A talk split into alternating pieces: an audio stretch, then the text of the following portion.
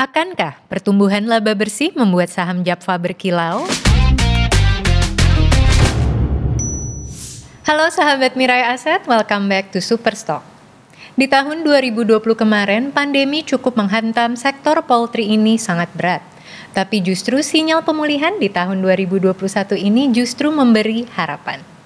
Tim Research Mirai Aset telah memilihkan satu saham pilihan yaitu Japfa Confit Indonesia atau juga dikenal dengan kode emiten JPFA.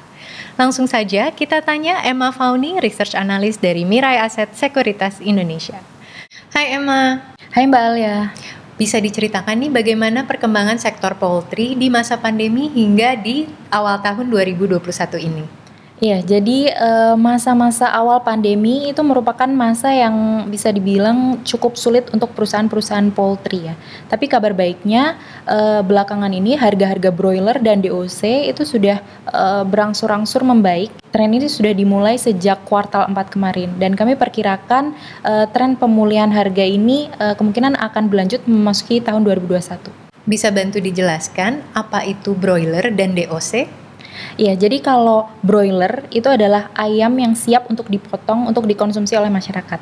Sementara DOC itu adalah day old chick atau ayam umur sehari yang kecil uh, warnanya kuning itu. Jadi bagaimana nih dengan prospeknya? Jadi kalau pemulihan harga-harga broiler dan DOC ini sustain di sepanjang tahun 2021, kami perkirakan uh, pertumbuhan laba bersih dari perusahaan-perusahaan poultry ini kemungkinan uh, bisa dibilang akan cukup agresif ya karena uh, adanya low base effect di tahun 2020 kemarin juga yang uh, earningsnya itu sempat turun cukup signifikan gitu. Dan ya kami uh, sudah mulai upgrade uh, sektor view kita di poultry ini jadi overweight uh, baru saja di bulan Desember kemarin. Jadi dengan adanya penurunan yang cukup dalam, justru kenaikan yang bisa signifikan ini justru akan terlihat ya? Iya betul sekali Mbak. Kenapa nih yang menyebabkan harga-harga broiler dan DOC ini justru membaik di tahun ini? Ini berkat uh, intervensi pemerintah untuk uh, menurunkan supply-nya. Jadi ini supaya uh, price equilibriumnya itu bisa termaintain di level yang wajar supaya ini bisa menguntungkan untuk farmers. Seperti apa sih bentuk intervensi dari pemerintah tersebut? Jadi pemerintah memberikan instruksi pengurangan produksi atau biasa disebut juga dengan culling. Kemudian eh, produk yang ditargetkan untuk di culling ini ada di level final stock dan juga parent stock. Kemudian selain itu juga pemerintah pernah mengimbau uh, kepada poultry integrator untuk menyerap uh, broiler yang ada di market supaya uh, supply-nya uh, tidak terlalu banyak. Dan di sepanjang tahun 2020 kemarin itu kan pemerintah uh, sudah cukup agresif ya uh, memberikan instruksi kaling itu sebanyak 9 kali totalnya. Instruksi yang pertama sampai keempat itu dilaksanakan di sepanjang bulan Januari sampai April yang kemudian uh, sempat terhenti karena ada penerapan PSBB yang pertama kali waktu itu. Kemudian ini berlanjut lagi uh, instruksi yang kelima di bulan Agustus sampai uh, instruksi yang ke-9 sampai di bulan Desember itu nonstop. Dan memasuki 2021 ini uh, pemerintah juga baru saja menginstruksikan kembali. So far ini merupakan instruksi kaling yang pertama ya di tahun 2021 ini. Tapi apakah intervensi berbentuk kaling dari pemerintah ini justru memberi sesuatu yang positif? Iya Mbak, karena tanpa adanya instruksi kaling dari pemerintah ini, para pelaku pasar akan kesulitan untuk menentukan seberapa besar mereka harus menurunkan atau menaikkan produksinya. Jadi proses ini semacam menyeimbangkan inventory yang ada ya? Iya benar Mbak Arya. Jadi dengan adanya instruksi dari pemerintah ini uh, beserta dengan uh, jumlah besaran kaling proporsional terhadap skala produksi dari masing-masing perusahaan tadi, uh, secara serempak industri uh, akan bisa lebih akurat uh, untuk menyesuaikan dengan demand-nya. Sehingga uh, ke depannya harusnya ini bisa menciptakan kestabilan harga.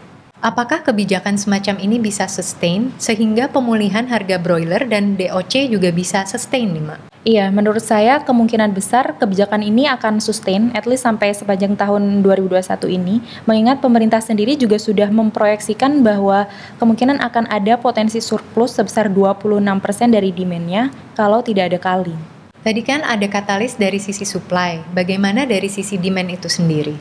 Ya, jadi kalau dari sisi demand-nya, kan ini memang uh, sudah drop ya di bulan April waktu itu pada saat uh, masa awal penerapan PSBB yang pertama kali. Karena waktu itu uh, tiba-tiba orang jadi nggak bisa pergi ke restoran, hotel, kafe, kemudian um, acara-acara besar juga tiba tiba-tiba jadi nggak ada, makanya demandnya turun drastis. Nah sampai sekarang ini uh, menurut kami demand yang ada saat ini itu mencerminkan tinggal uh, konsumsi harian masyarakat. Yang mana uh, ini unlikely untuk turun ya ke depannya karena nggak mungkin dong orang mengurangi uh, makan harian dia malah ada kemungkinan demandnya uh, sedikit demi sedikit bisa membaik seiring dengan distribusi vaksin yang mungkin uh, secara gradual uh, bisa berdampak positif terhadap uh, keleluasaan masyarakat untuk melakukan aktivitas di luar rumah serta juga uh, membaiknya perekonomian.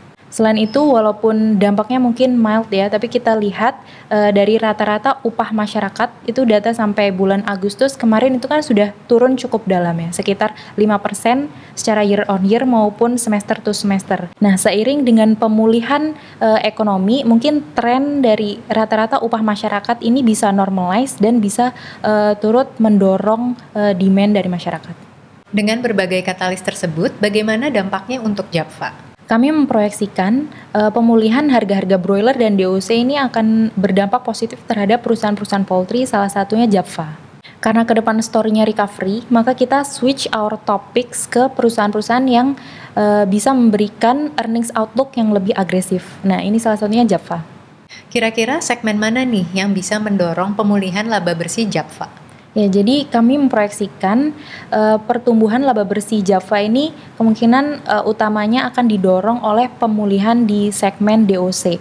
Karena uh, walaupun segmen DOC ini uh, secara kontribusi ke revenue nggak terlalu besar mungkin kalau dibandingkan dengan broiler misalnya, tapi dikurangi biaya-biaya sampai ke operating level itu uh, kontribusinya cukup tinggi dari segmen DOC.